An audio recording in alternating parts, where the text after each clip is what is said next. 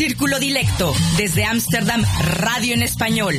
Panstalge Radio, Círculo Dilecto, viernes de 20 a 21 horas. Elke vrijdag van 20 tot 21 uur. Entrevistas, cultura, música. Círculo Dilecto, radio. Salto Stats FM. Cable 103.3 y 106.8, frecuencia modulada.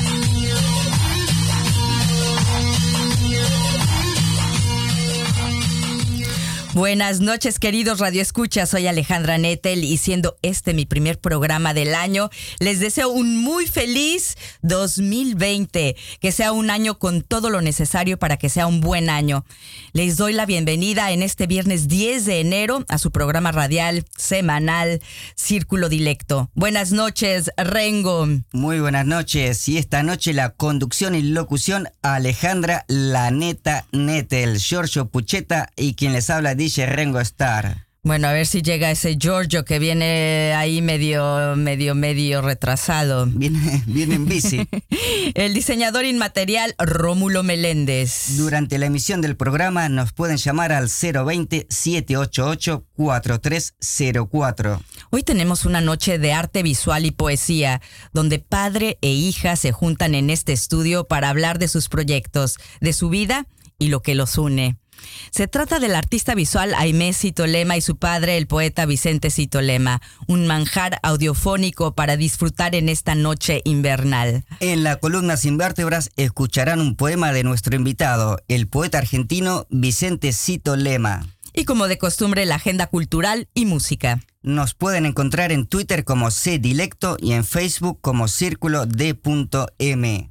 Para comentarios y sugerencias, no olviden que pueden escribirnos a d.circulo.gmail.com.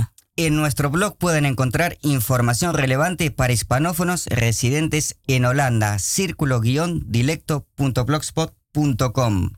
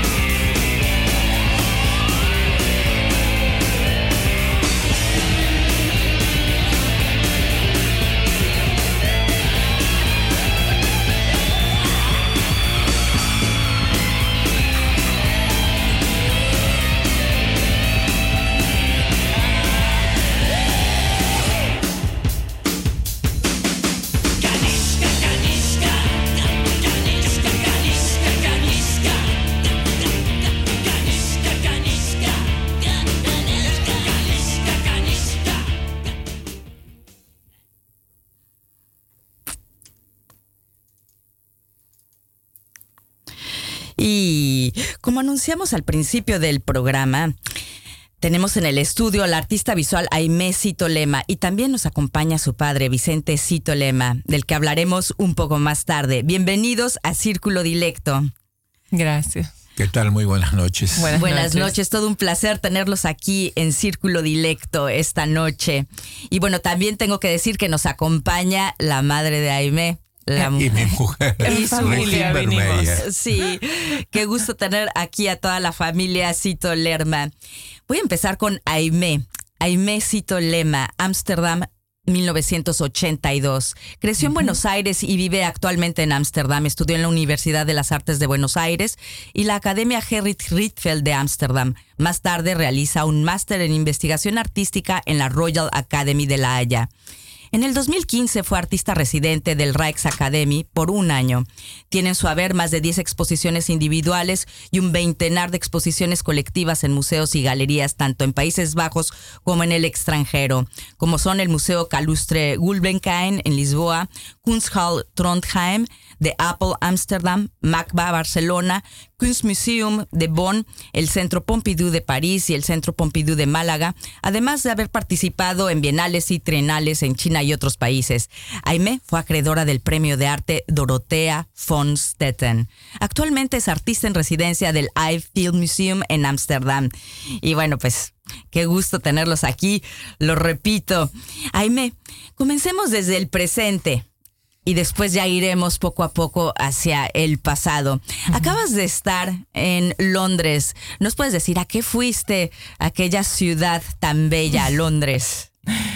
Eh, bueno, en realidad eh, viajé con el tren de Ámsterdam a Londres, pero de Londres seguí viaje a Whitstable, que es una pequeña ciudad de pescadores, en donde hay una bienal eh, la próxima edición de la Bienal será en el 2021 y estoy invitada a realizar una obra para la próxima Bienal. Entonces este viaje fue, digamos, como un primer encuentro con el equipo de trabajo y un poco también para conocer este pueblo, ¿no? Que, bueno, eh, es más como un viaje de para hacer inspiración, eh, conocer eh, las costumbres del lugar, conocer los espacios en los que podría darse la exposición y, ver qué tipo de trabajo podría desarrollar para ahí. la Bienal, más que nada, muestra trabajos de performance, y video, pero tiene como un foco particular en lo que es lo performático, que es un poco lo que yo estaría haciendo. Pero todavía no sé qué voy a hacer. Eh, por suerte hay tiempo para desarrollar el trabajo, así que este fue un, primer encuentro y fue un encuentro muy lindo, sí. Porque eh, de tu trabajo, yo he estado, eh, bueno, leyendo acerca de lo que escriben los curadores y, bueno, en general viendo tu trabajo y es bastante amplio. No, te, no es realmente que solo hagas una instalación, no es que te dediques a la fotografía o al arte performativo, sino que es eh, un conjunto de todo ello. Todos tus trabajos tienen estos, ¿cuáles son los aspectos que más utilizas, que más te gusta utilizar en tu trabajo? Eh, un poco, bueno, es como lo que decís, ¿no? No trabajo tanto, hay artistas que, trabajan más desde un medio, como el pintor que, trabaja desde la pintura y a partir de ahí aborda un tema, y en mi caso sería más un arte conceptual en el sentido de que trabajo desde una pregunta o un espacio que me interesa o, una determinada historia eh, la que quiero abordar.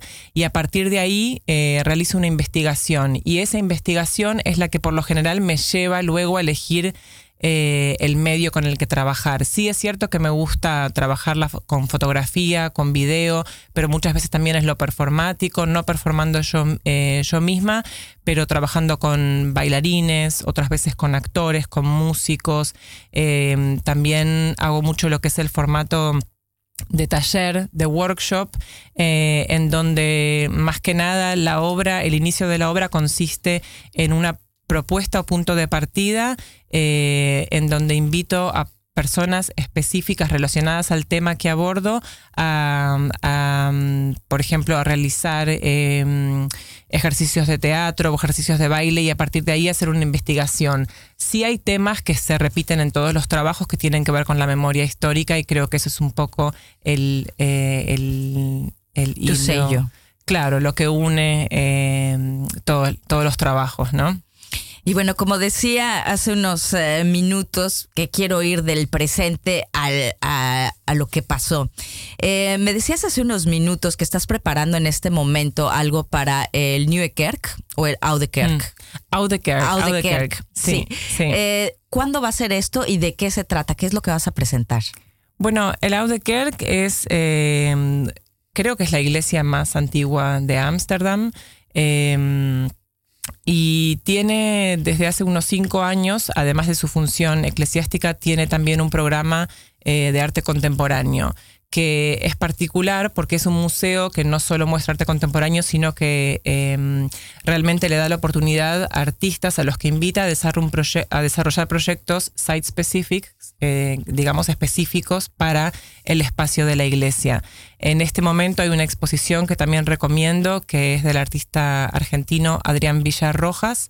Em, y bueno, y en mi caso, hace, van a ser dos años, recibí la invitación de la directora eh, Jacqueline Grandjean eh, de desarrollar un proyecto para la iglesia y mi punto de partida fueron em, dos momentos de conflicto que em, que tienen a la iglesia como protagonista. Eh, un conflicto es el, conflicto histórico del Bildenstorm Em, que es la, eh, la reforma protestante, digamos en el 1560, si no me equivoco. Em, y otro conflicto es un conflicto em, actual que tiene que ver eh, con protestas desde distintas comunidades hacia el uso, este uso que tiene la iglesia como espacio de arte contemporáneo. entonces no se trata tanto de, juzgar si estas, eh, digamos, Em, estas protestas em, están bien o mal, sino de mirar qué es lo que despierta eh, este enojo de ciertas comunidades hacia el uso de la iglesia como espacio para arte contemporáneo y, bueno, y tratar como a partir de estos dos conflictos desarrollar un trabajo que por un lado va a ser una instalación eh, que mira más que nada a la parte histórica. El edificio está lleno de, de huellas de lo que fue alguna vez la Iglesia Católica, en donde todas las, las, imágenes católicas fueron destruidas durante eh, la Reforma Protestante y lo que queda de esas huellas lo estoy documentando y ese es el punto de partida para la instalación. Y por otro lado, un taller de poesía con adolescentes en donde miramos a un juicio, particularmente eh, una de las últimas exposiciones que se hizo el año pasado, eh, está en juicio eh, bueno, es una, historia un poco larga, pero eh, más que nada porque, mm, bueno, en, relación al uso del, edificio, eh, que no se, supuestamente no se, no se habría respetado el edificio como espacio histórico. Entonces, bueno, este juicio, hay muchas cartas jurídicas y esas cartas las utilizamos como punto de partida para escribir. La propuesta es escribir con palabras de otros y tratar de hacer de estas cartas eh, y este lenguaje eh, jurídico y oficial, eh, un lenguaje poético. Eso es un, poco de lo que estoy trabajando ahora y la exposición abre en junio de este año. Junio, ¿tienen qué día de junio? ¿Lo sabes todavía? Todavía, no, sabemos, no. Pero Comienzo de junio, sí. ¿Y es una, eh, va a ser algo eh, que es en, grupo o es individual? Es una exposición individual, o sea que esto que contaba recién es un poco el punto de partida, pero la exposición va a ser una instalación que ocupa todo el espacio de la iglesia y, lo que contaba en relación a los talleres de poesía, seguramente sea una performance en donde los adolescentes van a, van a leer, e interpretar lo que, lo que escribieron durante los talleres. Muy interesante. Eso no hay que perdernos, hay que estar al tanto. Audekerk, junio. Eh, Aimecito Lema. Y bien, ahora eh, vamos a otro punto que también es, me parece súper interesante y que es muy actual en este momento en tu vida, Aime, que es el, el hecho que eres eh, una de las artistas en residencia del I Film Museum. Y eh, y bueno, me imagino que, bueno, ¿qué representa para ti eh, tener eh, una residencia en el AI y además tener a tu disposición todo el material filmográfico que existe en ese museo? ¿Qué, ¿qué es lo que, cuando te dieron la noticia, qué, qué representa para ti? Bueno, fue una invitación magnífica porque la verdad que es una posibilidad muy única eh, de trabajar en ese archivo. Como decís, es muchísimo material. Eh, el AI cuenta con más de 50.000 películas y objetos relacionados al cine, eh, cine europeo por lo general, mucho cine holandés también. Y, bueno, la primera pregunta ante una invitación así es ¿dónde empiezo con, tanto, con tanto material? Y, bueno, fue un proceso que ahora en realidad, bueno, está terminando, acaba, acaba de terminar, pero estuve un año trabajando eh, en el archivo y en un momento para mí fue como claro que lo que me interesaba era el archivo en sí mismo y las decisiones relacionadas a qué materiales forman parte y no de este archivo, ¿no? Como qué es lo que forma parte de la historia del cine, quién decide em, qué material es relevante y qué no, y empecé a mirar un poco como cómo estaba construido el archivo y mm, eh, la obra que realicé, que es una película de eh, unos, bueno, casi 30 minutos, utiliza todo material em, que se encuentra en lo que yo llamo el espacio los márgenes, no lo llamaría lo marginal, pero sí los márgenes del archivo. Y en estos márgenes del archivo eh, encuentro material anónimo, material, eh, como ellos lo llaman, la palabra técnica es huérfano, que son películas que fueron encontradas, pero de las que no se sabe ni el autor ni de dónde vienen, y están ahí, digamos, guardadas, pero no, no tienen información. Eh, y también muchas películas amateur eh, y bueno, y con todo este material que no es, digamos, cine profesional, eh, empiezo a hacer una selección. Y mi trabajo es eh, como un collage de imágenes de todo este, este, material fílmico que encontré en los márgenes del archivo.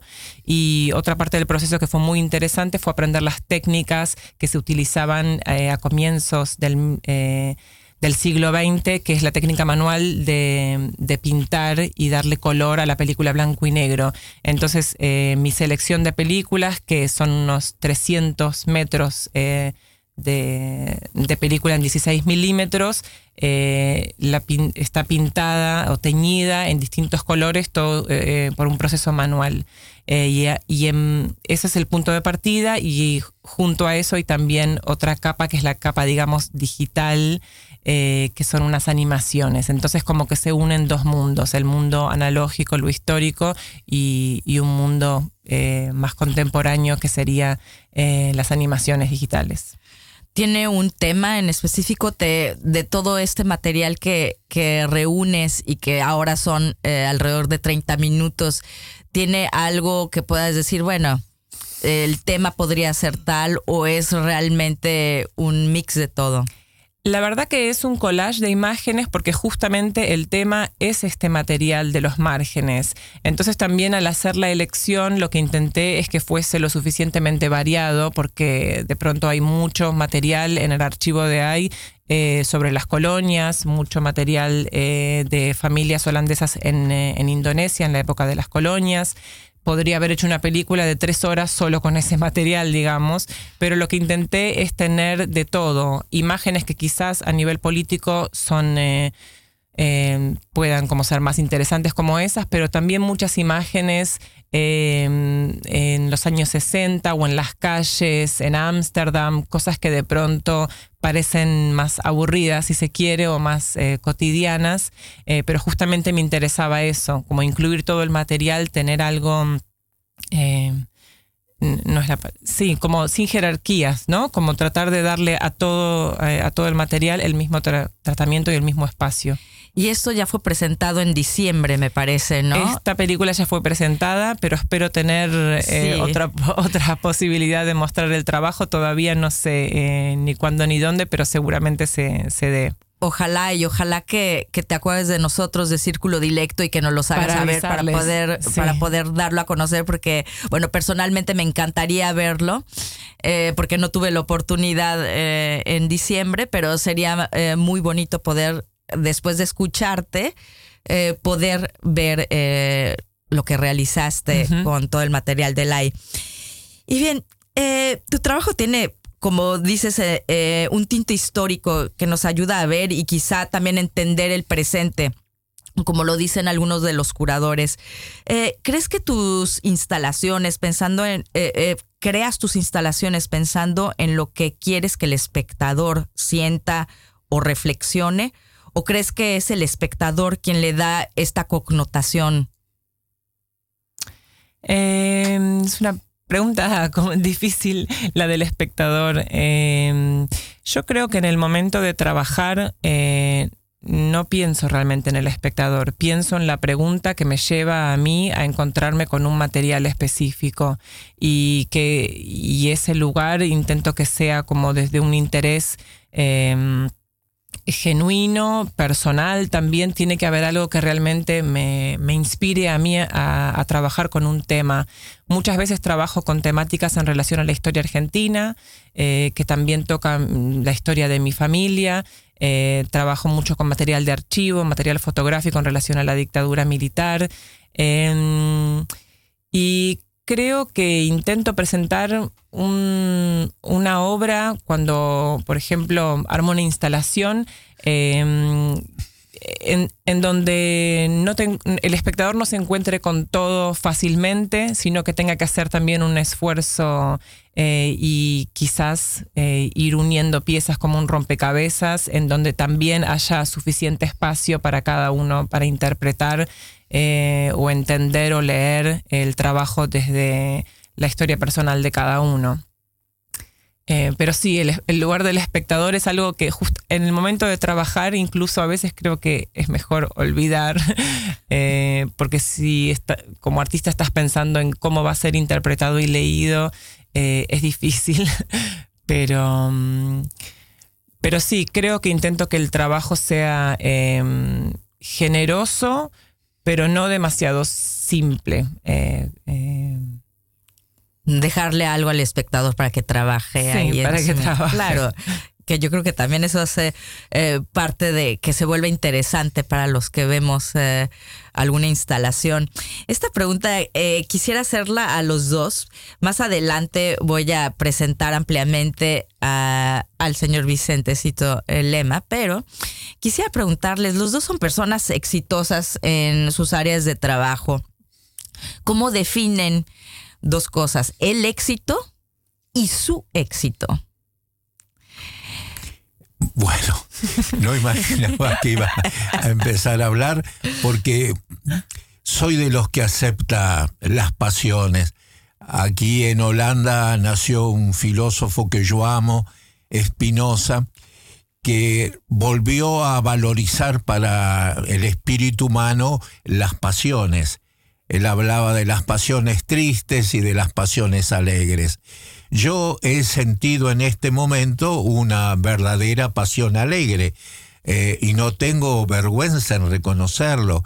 Nunca había estado en un programa de radio junto con mi propia hija. Maravilloso. Es, es la primera vez. Y tengo muchos años y muchos años también de docente en la universidad, de haber dirigido revistas, yo qué sé, muchas cosas. Eh, y sin embargo, toda esa profesionalidad de docente de casi 50 años en la universidad en Argentina quedó relegado ante eh, el asombro emocionado de escuchar a alguien que ya es un artista, que tiene juicio propio, desarrollado, que en algún momento, por supuesto, contribuía a su formación. En casa del carpintero se habla de maderas y de martillos. En casa de un escritor, de un profesor de la universidad, se habla de arte, de poesía, de estética, de la verdad, del de el espacio que tiene un artista y del espacio que tiene esa sociedad en la que vivimos, eh, los quiebres, los vínculos, todo eso que has sacado a luz con tus preguntas.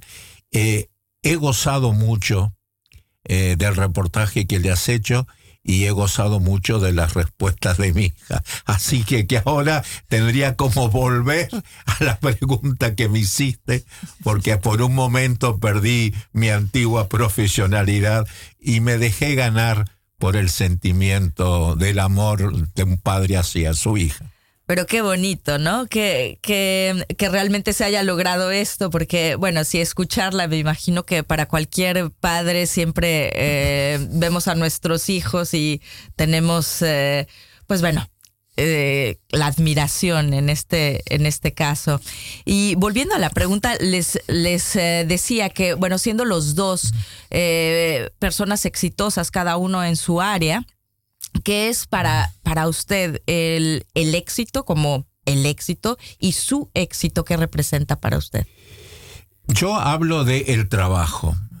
Hay un poeta que amo mucho, se llamó, se llama porque falleció, pero está vivo en su arte, César Pavese, el gran poeta italiano. Eh, él reflexionaba mucho sobre el trabajo del artista y a la vez también escribió un libro de poemas maravilloso que se llama Laborar estanca, eh, trabajar cansa. Eh, otro, otra pequeña sospechita. Eh, Goethe, el gran poeta alemán, cuando se iba a dormir, él dormía, él tenía una habitación especial en un hotel y todas las tardes se iba y se acostaba ahí y pasaba horas y horas y ponía un cartel en la puerta, no molestar, estoy trabajando. Es decir, los artistas que de alguna forma yo amo y me han formado, me enseñaron que no hay éxito eh, en el arte si no trabajo. Una obsesión por el trabajo, una pasión desmesurada por el trabajo. Si se permite decirlo, un delirio por el trabajo que nos toca. Feliz aquel que puede trabajar de lo que ama, porque la criatura humana se hace en el trabajo y uno es un privilegiado. Eh, el artista es un gigantesco privilegiado que vive de la materialidad, del trabajo y de los sueños de toda una sociedad. Por eso yo pienso siempre que hay un conflicto ético en la producción del arte y la relación ética que un intelectual, que un artista, que es un privilegiado, aún en los momentos más terribles. Alguna vez lo he escrito. La gente más humilde sufre, aún sufre cuando sufre desgracias porque sus desgracias son anónimas. Un artista puede ser perseguido, fusilado como García Lorca, por dar un ejemplo, pero hasta su muerte, su pasión, su dolor, cobran dimensión social, dimensión histórica. En cambio, el que trabaja simplemente trabaja, bueno, como en el poema de Nicolás Guillén, me matan porque trabajo y si no trabajo me matan, y su éxito es trabajar y su desgracia absoluta es el trabajo. Por lo tanto, el privilegio del éxito es una carga ética profundísima.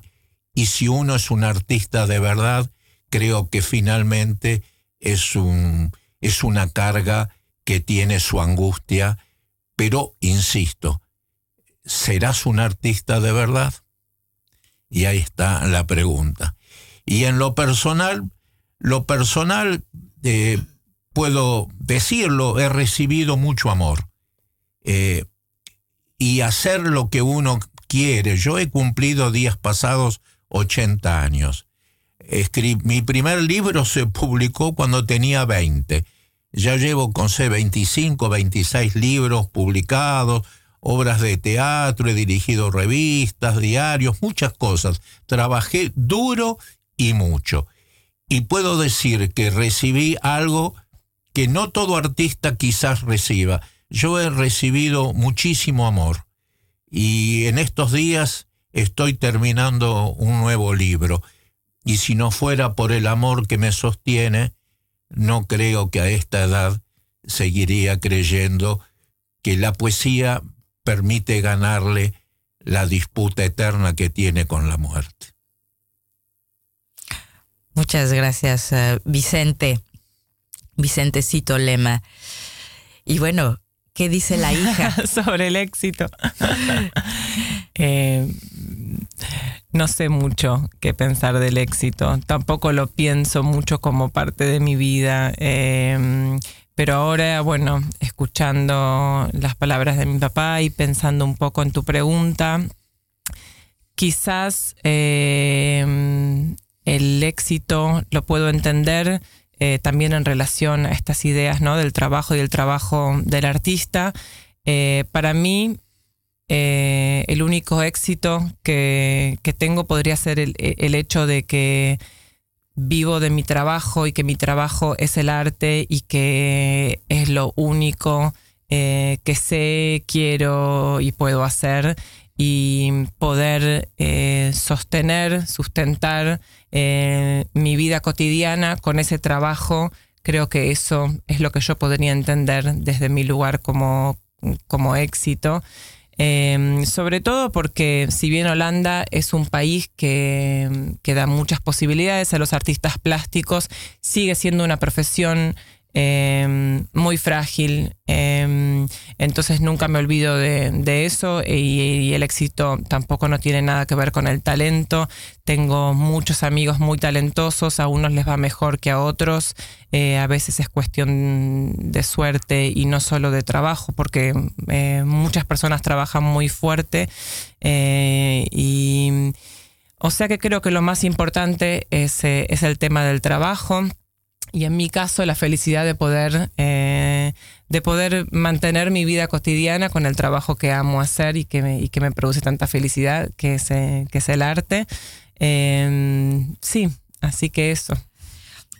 Interesante, ¿no? Esta, este tema de, del éxito, que, que, es algo que la mayoría de las personas, no importa en dónde se encuentren y qué estén haciendo, todo mundo busca eso, el éxito, pero es interesante para mí siempre escuchar qué es lo que para cada uno es el éxito, porque sí difiere. Pero estoy de acuerdo que el trabajo es, yo creo que, una de las bases. Eh, Aime, estudias en Argentina y después en Países Bajos, donde también te crías. ¿Cómo ha sido esta vida entre dos países, dos culturas, dos idiomas, eh, teniendo, eh, pues bueno, padres de diferentes culturas? ¿Cómo ha sido? y, esto lo tengo que decir entre, mis padres. Sí, lo tienes, los tienes aquí enfrente. Eh, bueno, yo creo que una vida muy rica y mm, eh, no me puedo imaginar otra porque es la única que conozco. Eh, sí, bueno, yo nací en Ámsterdam durante el exilio de mi papá. Eh, mi mamá es holandesa, ellos se conocieron acá en Ámsterdam. Eh, los dos primeros años de mi vida los pasé en esta ciudad y una vez que la dictadura militar en Argentina terminó, eh, mi familia, mis papás se mudaron a Argentina, o sea que si bien nací acá, me crié eh, en Buenos Aires, donde fui a la escuela primaria, a la escuela secundaria y los primeros años de la universidad, hasta que a los 21 volví a Ámsterdam a estudiar y bueno, y así un poco entre un país y el otro, pero ahora estoy 15 años más que nada de este lado. Em, pero mm, yo creo que lo que lo que es interesante es que, mm, es que crecer entre dos lugares em, tiene también lo malo de que muchas veces te sentís que no perteneces, pero también te permite em, entender que no hay una sola forma de ver las cosas y de ver el mundo. Em, y creo que me permitió ser una persona bastante empática en el sentido de que puedo entender que hay muchas, eh, muchas eh, miradas. Em, y también me permitió siempre adaptarme fácilmente a distintas situaciones eh, y poder disfrutar de eso y crecer con eso. Así que creo, bueno, seguramente es algo en que las personas también que tuvieron una crianza bilingüe o entre, entre dos culturas podrán reconocer eh, esto que digo. Pero así que sí, yo siempre lo viví como una, una riqueza, creo, por más de que en momentos en la vida siempre decís, no sé de dónde soy.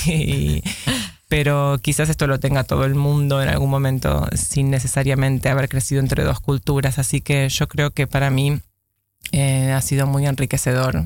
Eh, sí. Y Eh, Vicente, para usted, ¿de qué forma su estadía aquí en Europa? Porque bueno, Aime se cría entre dos países, pero eh, para usted fue la historia diferente. ¿Y de qué, de qué forma su estadía aquí en Europa ha influenciado o influenció su trabajo y forma de pensar?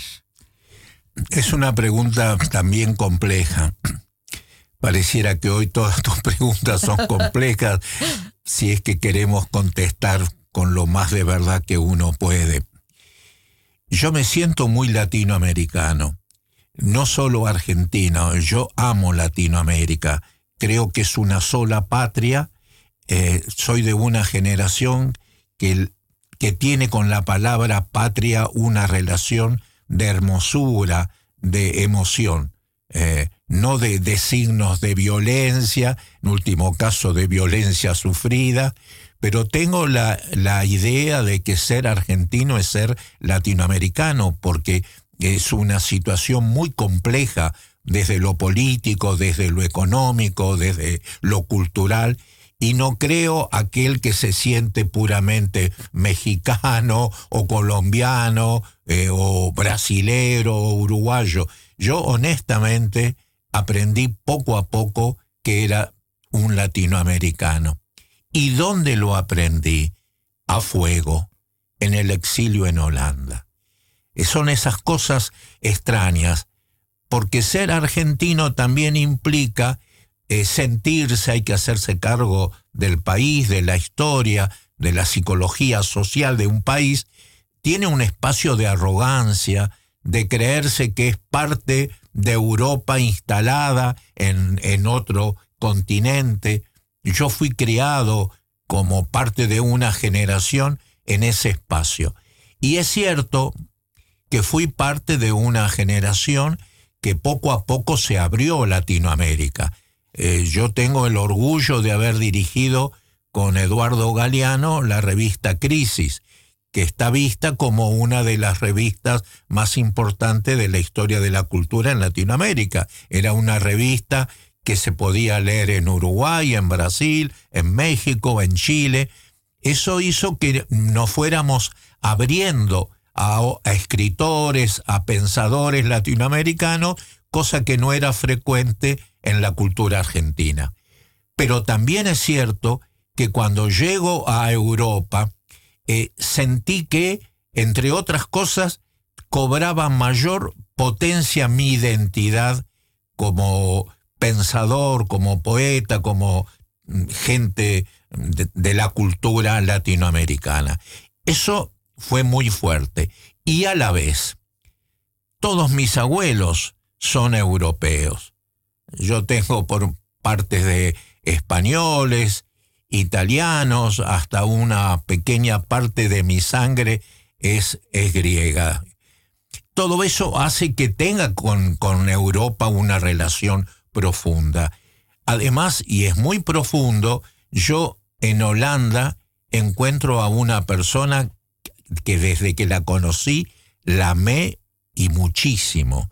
Y entonces en el amor a Regín se abrió también otra mirada sobre el mundo, sobre Europa, sobre mis prejuicios, sobre mis enojos, que aún tengo a veces con la política holandesa histórica hacia el mundo. Pero también es cierto que incorporé, tuve el privilegio de ver, yo que amaba a Vincent van Gogh y que solo veía reproducciones, de poder estar días y días y días en, en, su museo, ir a otras partes de Europa y ver arte que, que me apasiona en todas sus formas, empezar a conocer más la historia europea y no me cambió mi manera de entender el mundo. En lengua simple, yo soy un hombre que cree eh, en una cultura que podíamos llamar en lengua clásica socialista, una cultura de la fraternidad, de la de, sentir como propio el dolor del otro, de, de creer que la paz en el mundo es más importante que la acumulación de la riqueza, de sentir que me duele la deshumanización que el poder en la historia de la humanidad ha causado al mundo, pero también es cierto que escucho a Mozart y me emociono, que vengo de estar en Grecia y no dejé de escribir todos los días porque he, leído a Platón, a Aristóteles en mi formación, pero estar allí en una plaza donde ellos habían hablado, yo que soy loco por el teatro, ir y estar sentado en un lugar donde incluso pudo estar alguien escuchando una obra de Sófocles. ¿Cómo negar que todo eso me mueve y me conmueve? ¿Y cómo negar a la vez que yo siento que muchos pueblos, en especial los de Latinoamérica, hemos sufrido la violencia europea, que es también la violencia de parte de mi familia, porque yo tengo sangre europea, eso es un hecho. Soy como los que decía García Márquez, están en Latinoamérica descendiendo de los barcos. Pero también ahí está, todas estas cuestiones me abrieron como nunca a sentir también como propia eh, la cultura de los pueblos originarios de Argentina y de Latinoamérica en general, cosa que yo como intelectual porteño, criado en la ciudad de Buenos Aires, entre filósofos, poetas y artistas porteños, egoístas cada, más que ninguno en el mundo, yo no tenía esas sensaciones. El exilio duele, es otra forma de la muerte, nos enseñó eh, Platón a partir de, de Sócrates, pero también el exilio me dio una identidad más amplia y paradójicamente más generosa de la que tenía. Están escuchando Radio Círculo Dilecto.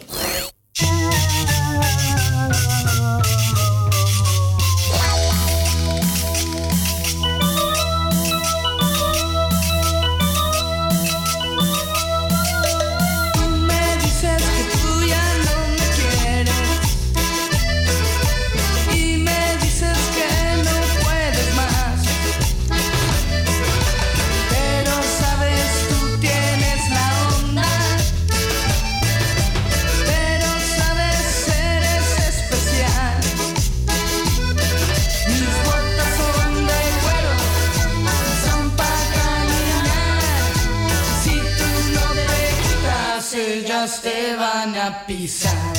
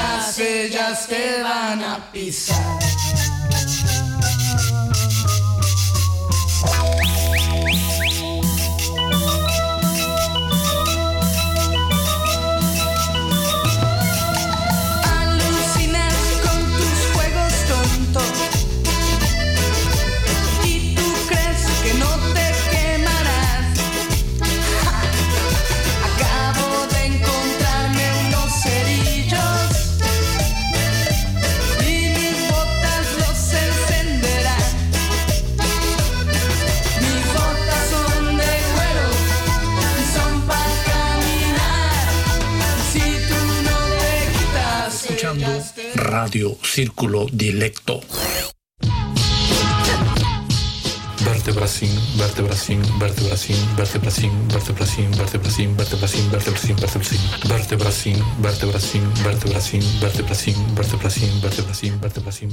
Bueno, como anunciamos al principio del programa, tenemos aquí a Vicente Cito Lerma, que bueno, quisiera leer algo de su biografía, aunque eh, cabe decir que eh, no habría tiempo para esto. Es poeta, dramaturgo, periodista, periodista, filósofo y docente argentino. Se recibió de abogado en 1961 en la Universidad Nacional de Buenos Aires, especializándose en el estudio y la práctica de los derechos humanos. Trabajó como periodista en periódicos como Clarín, El Cronista Comercial y La Opinión. Fue director y fundador de la revista Cero, colaborando con poetas del grupo Barrilete. En la revista se llegó a publicar poemas de Ho En min. Por primera vez en castellano. Funda y dirige la revista literaria Talismán, considerada una de las más importantes revistas del surrealismo en Argentina, donde participaron, entre otros, Enrique Molina y Aldo Pellegrini.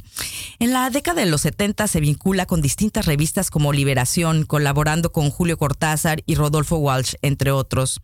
Y bueno, tras el golpe de Estado de 1976 en Argentina, deja el país y finalmente decide radicarse en Países Bajos. Entre sus actividades en el exilio se destaca el haber conformado la Comisión Argentina por los Derechos Humanos, junto con otros intelectuales como Julio Cortázar, David Viñas, entre otros. Estando exiliado, escribe Mater, una de las primeras obras perdón, de teatro sobre los desaparecidos y la lucha de las madres de la Plaza de Mayo. Regresa a la Argentina en 1983. Eh, ya me dio aquí la tos, disculpen.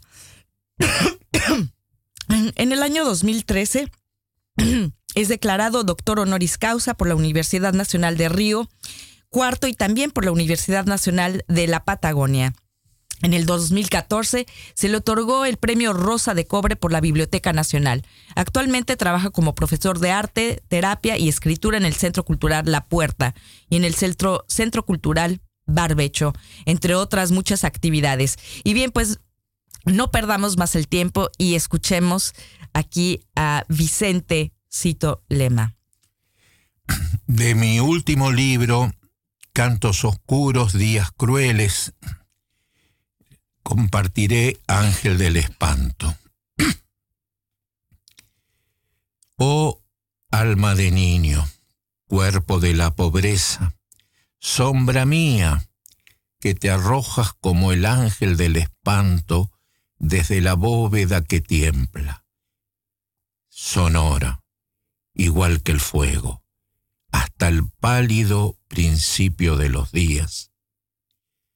Oh alma de niño, ángel del espanto, sombra mía, que en el silencio nos señalas y vigilas cada instante de la fugaz eternidad en vísperas de la agonía. Oh alma de niño, ángel del espanto, sombra mía, desde antes de nacer, ya peligro y fugitivo, te han convertido en pesadilla, tu soledad es áspera y marchita. Oh alma de niño, ángel del espanto, sombra mía, caes del cielo igual que puro, eterno. La lluvia sobre la tierra hace de vos lluvia sucia, isla sin ternura, grieta maldita. Oh alma de niño, ángel del espanto, sombra mía, eres oscuridad sin gracia, frente a la luz divina, luz que no te alumbra, divinidad que no te divina, ni te arropa en su confín sagrado, entre las nubes quietas, mal dormidas. Oh alma de niño, ángel del espanto, sombra mía, nada de lo humano quedó de ti en mí, más que impiadoso, todo es ajeno Dinos, ¿qué nos espera si siendo padecido padeces cuando ya ni los dioses pueden padecer? Oh alma de niño, ángel del espanto, sombra mía, que te alzas pobre de las pobrezas en las noches y en los días. ¿O no es de espanto el hueco de tus ojos, el tajo de tu boca, el vacío de tu lengua, la de tu fiebre, ese agrio sudor de tu cuerpo que en los umbrales del infierno todavía nos mira y sonríe. Oh, alma de niño, ángel del espanto, sombra mía, cuerpo de niño, maravilla ciega de la pobreza, en la cruenta espera sin esperas ni alivios, tan y tan, al fin y de una vez, el amor de tu mano se transformó en cuchillo, tu cuchillo que tirió tu sangre que al sangrar al otro te heló.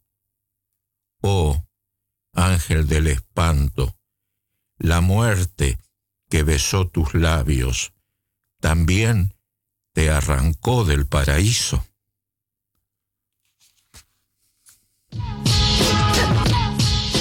Vertebracin, vertebracin, vertebracin, vertebracin, vertebracin, vertebracin, vertebracin, vertebracin, vertebracin, vertebracin, vertebracin, vertebracin, vertebracin, vertebracin. Escuchando Radio Círculo Dilecto.